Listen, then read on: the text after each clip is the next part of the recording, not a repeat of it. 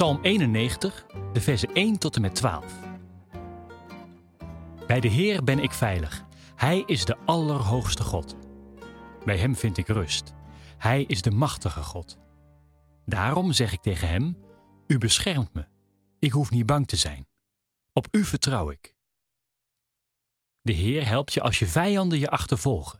Hij redt je als je doodziek bent.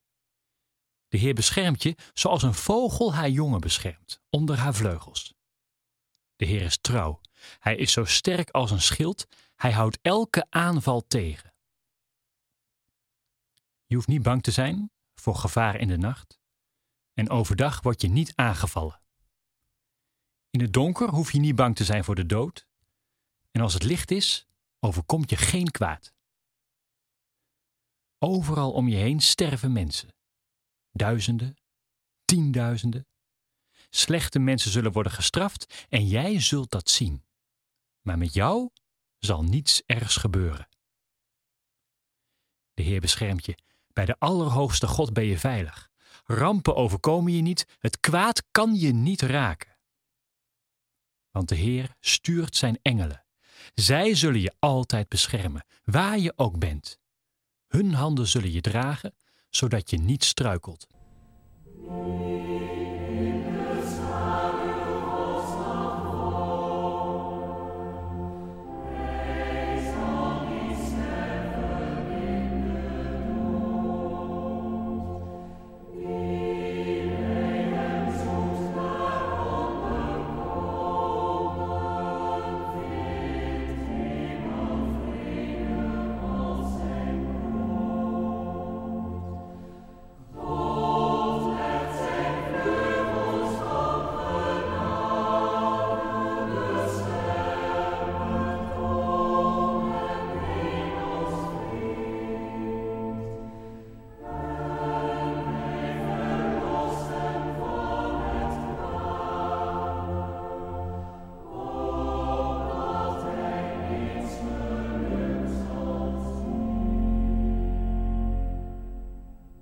Het zijn grote woorden waar deze psalm mee begint.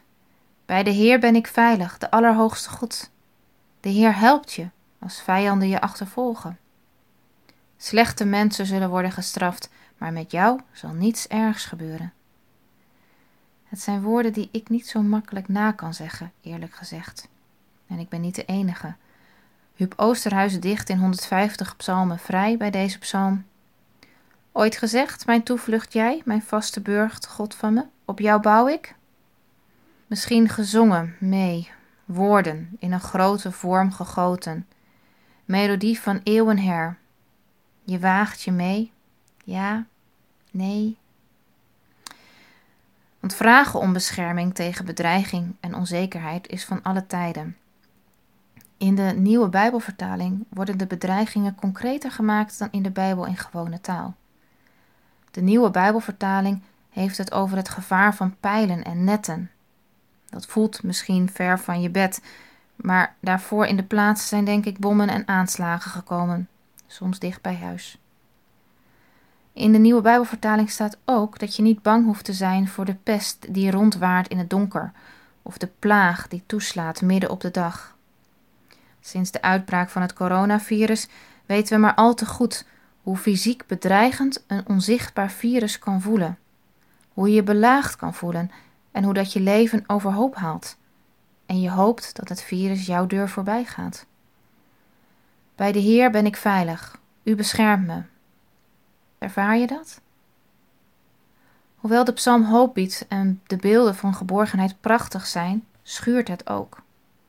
De psalmdichter voelt zich gedragen en beschermd.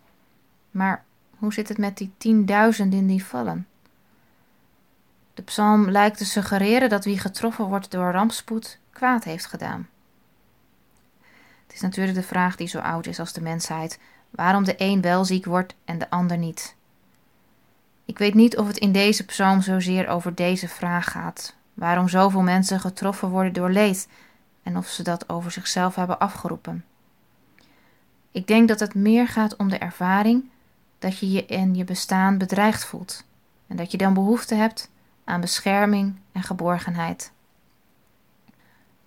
En dan zijn bijvoorbeeld die oude woorden van St. Patrick, de oude zegenbeden, heel herkenbaar. De Heer zal voor je zijn om je de juiste weg te wijzen.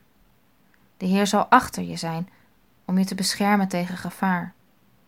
De Heer zal onder je zijn, zodat je nooit ten onder kunt gaan. De Heer zal in je zijn om je te troosten als je verdriet hebt. De Heer zal naast je zijn als een beschermende muur wanneer anderen over je vallen. De Heer zal boven je zijn om je te zegenen. Zo zegene je God vandaag, morgen en alle dagen dat je leeft, in eeuwigheid. Amen.